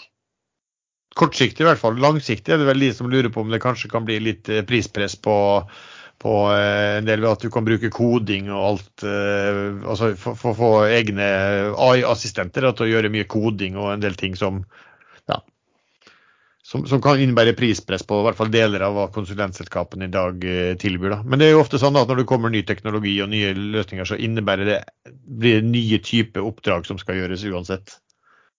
Ja. Så. Mens vi er inne på IT, så er jo du inne i en, en annen liten sak som heter Mintra. Og, og, og den har jeg Ja. fremheva for noen uker siden. Fordi jeg syns det er merkelig opplegg at de tok opp et lån og så betalte utbytte. Hva, hva som skjer der, tror du?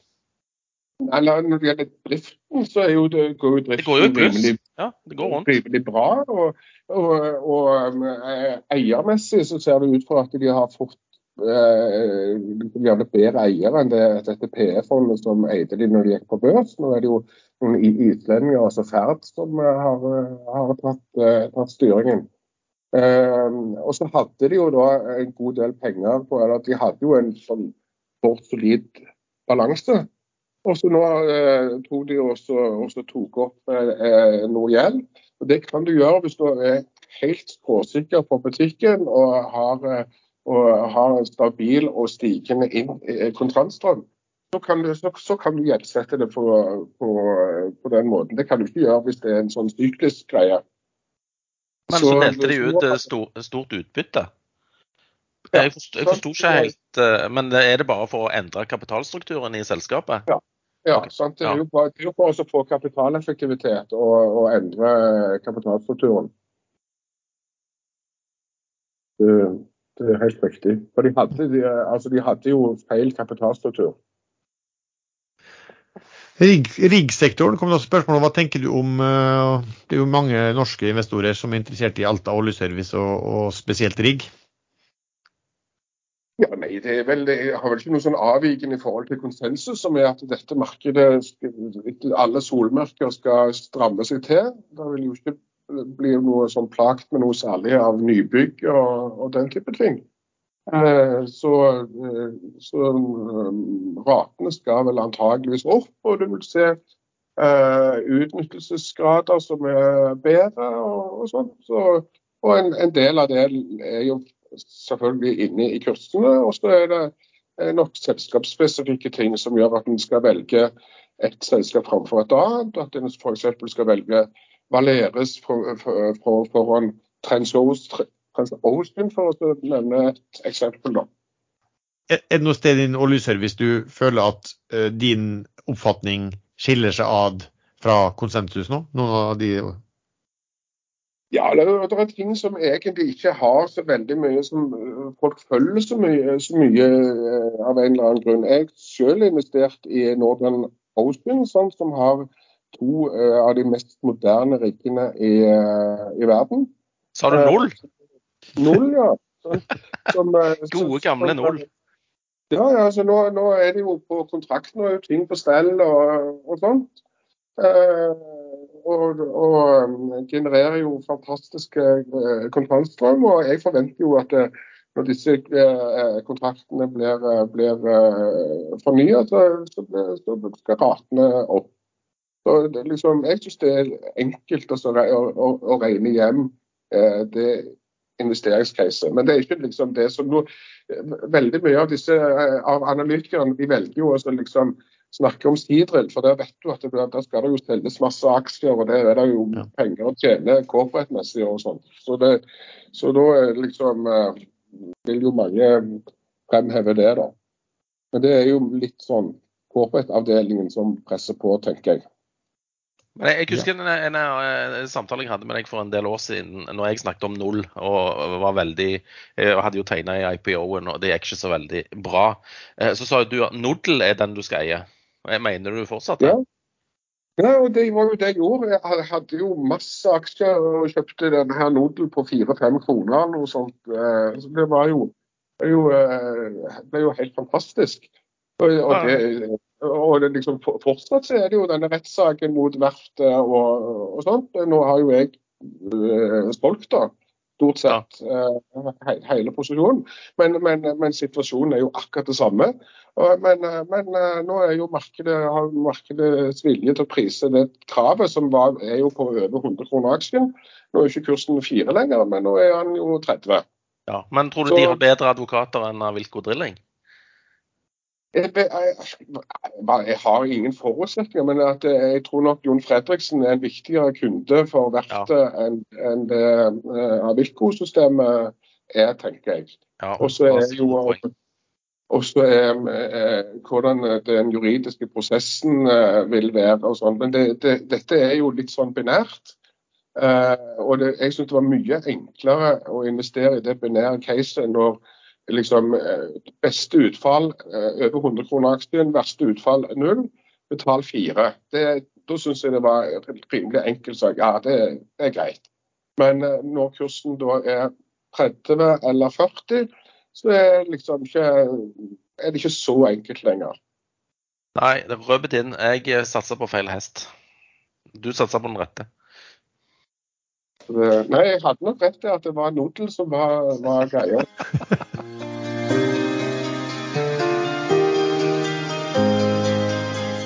Aksjesladder sponses av tradingmegleren IG. Handler du med bull- og bear-sertifikat i dag? Test og gjør det i IG sin plattform, som er skreddersydd for børshandlerprodukter. Handelen er helt kurtasjefri, og sertifikatene er tilgjengelig mellom klokken 08 til 22. Åpne en konto kostnadsfritt på ig.com, eller last ned IG-appen i dag. Men husk at all trading involverer høy risiko.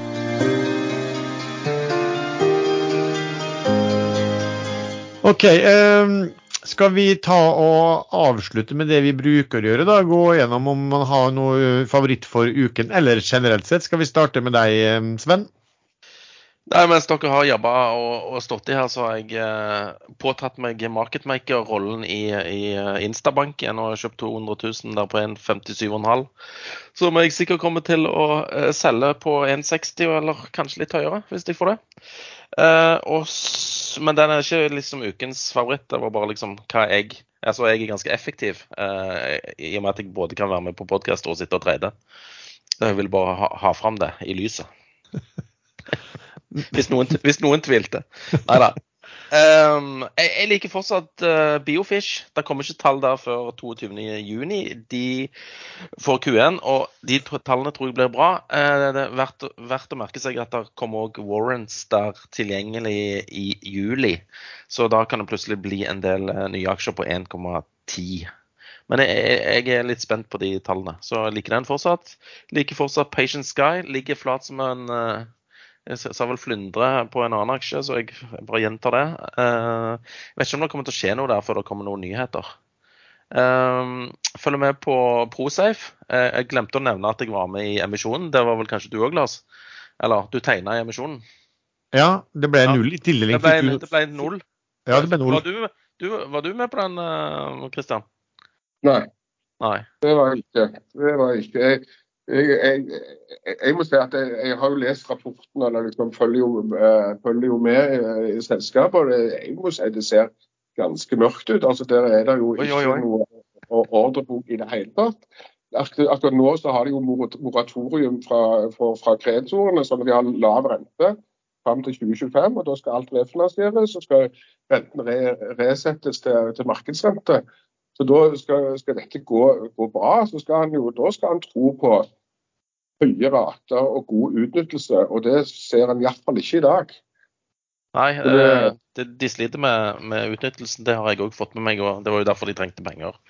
Men jeg bare tenkte emisjonen i seg sjøl hadde jo vært bra å være med på, hadde du fått aksjer. Men vi fikk eh, null tildeling. Men du tenker, jo, du tenker, jo, ikke så mye transaksjon. vet du. Når du tenker to år fram, så tenker jeg liksom 9, eh, altså 090010 eh, cirka. Så er jeg gone. Nei, som sagt, så jeg vil liksom, jeg skal investere, så skal jeg eie det i to år. Det er liksom ho hovedregelen. da, sånn at, eh, sånn at jeg ikke skal gå i den fellen. Jeg, jeg, jeg, gleder meg til du skal ut med neste ukes favoritt. Har du noen flere, Sven? Ja, eh, det må bli eh, og eh, Jeg vedder på at Kristian kommer til å elske dette her. Det er N-Surge Micropower. Han liker litt sånn Jalla-aksjer egentlig, men han tør bare ikke innrømme det. Nei, jeg, jeg stiller spørsmål med at, at Tigerstaden ikke har solgt, og at de trenger penger om ei uke ca. Så hva for et triks de kommer til å trylle opp av hatten, det er jeg veldig spent å se. De kan jo ikke bare la dette gå gå ad undas nå når de har fått seg en ny styreleder og greier som har vært i USA og sett at det faktisk finnes noe på lokasjonen til selskapet. Så eh, kortsiktig bet. Skjer det ikke noe på en uke, så er det mulig jeg er gone, altså. Okay.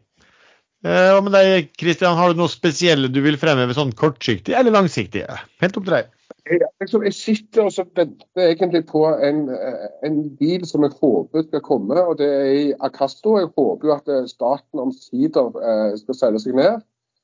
Eh, og Om det kommer neste uke eller eh, hva tid det kommer, det vet jeg ikke. Men jeg har en sånn hypotese om at det kan komme eh, i, i år. Får håpe det. Staten har jo ingen, eh, ingenting å, å gjøre her. Eh, og Det er i utgangspunktet et ganske bra case, synes jeg. Verdiene er bortimot en 20 kroner aksjen. Jeg får triggere i søkk og kav med da eh, joint venture med, som inneholder en NH Virt. Eh, skal antakeligvis børsnoteres neste år. En, eh, en får eh, salg eller notering av Nes Firecoft. Altså du, du får synliggjøring av eh, verdier. Og så er underliggende eiendelen i Acasto, som egentlig var den gamle søppelkassen til Røkke, så jeg begynner dette her å bli en del av dette blir ganske bra. Eh, og så er det nok da eh, en, liksom en sånn overheng her med at da eh, en forventer at eh, gjerne staten skal selge, selge seg ned. Så, skal, så skjer det noe sånt der, så kommer jeg nok sikkert til å delta der. Mm. Ellers så var, synes jeg jo denne Aribatic-historien De leverte jo tall her for et par dager siden. og eh, Jeg tror nok de tallene der blir en litt sånn eye- eye-opener eh, framover. Sånn at eh, der forventer jeg nok at kursen kan, kan blå, blåse fire kroner i løpet av eh, neste uke. Så, eh, ellers så registrerte jeg jo at, at han, Erlend Henriksen han, han omtalte jo vel denne aksjen som aksjen fra helvete, tror jeg han, eh, han skrev her. Sånn at det, det må, og, og, og da må det jo være bra. Aribatic. Jeg tror faktisk, jeg, jeg lurer på om jeg hadde den som sånn ukens eh, en eller annen gang om når den var på For den var jo godt under tre kroner. Den var jo på 280-290 en eller gang for ikke så veldig lenge siden. Når han holdt på å solgte som verst, han eh, Eller på slutten når han solgte han gamle toppsjefen. Men Ja, de, altså, de er gone. I, i nyere tid så jeg, jeg har jo, eh, Torstein Tvenge har jo solgt seg jo helt ut. Eh, det, og det har jo skjedd ja, når, eh, etter, etter spleisen. Så det var vel Torstein Tvenge sine aksjer som eh, kjørte kursen ned fra sånn eh, 4 ned til 2,80. Så jeg tror nok at jeg kjøpte litt av de, og det var vel sikkert det du òg gjorde. Ja, stemmer, eh, Torstein. Det, men, det, men det er sånne ting som kanskje folk legger mye vekt på. Men du vet jo også at, Torstein er, han, har jo så, han eier jo så mye som er mye verdi. Så av og til så legger man kanskje vekt på at folk eh, selger litt for mye. Det er bare at de kanskje rett og slett ikke orker å sitte med en liten posisjon i et lite selskap lenger også. Ja. OK, noe mer, Christian? Nei, det var vel eh, det. Nå er det vel eh, Resultatsesongen begynner vel å bli litt sånn eh, over, da. Eh, Men det har jo vært mye nå, nå i det siste.